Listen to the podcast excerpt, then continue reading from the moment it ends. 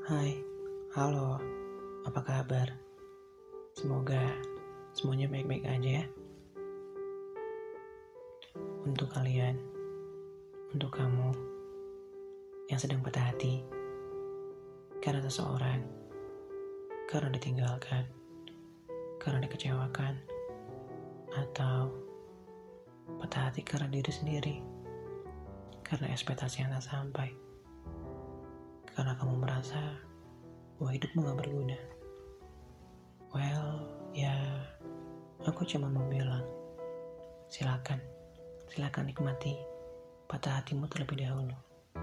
Silakan rasakan patah hatimu. Patah hati itu perasaan sementara kok.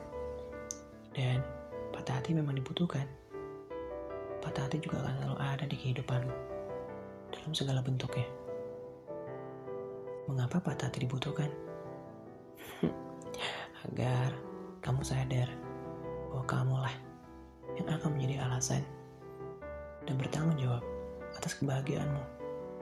Agar kamu sadar bahwa terlalu percaya, terlalu sayang pada seseorang itu nggak baik. Karena kita tahu hal yang berlebihan itu gak pernah baik kan?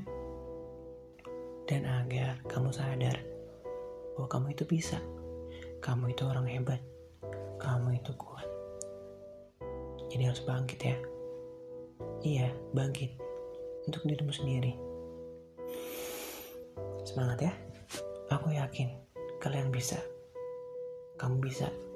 Jadi harus semangat. Oke? Okay?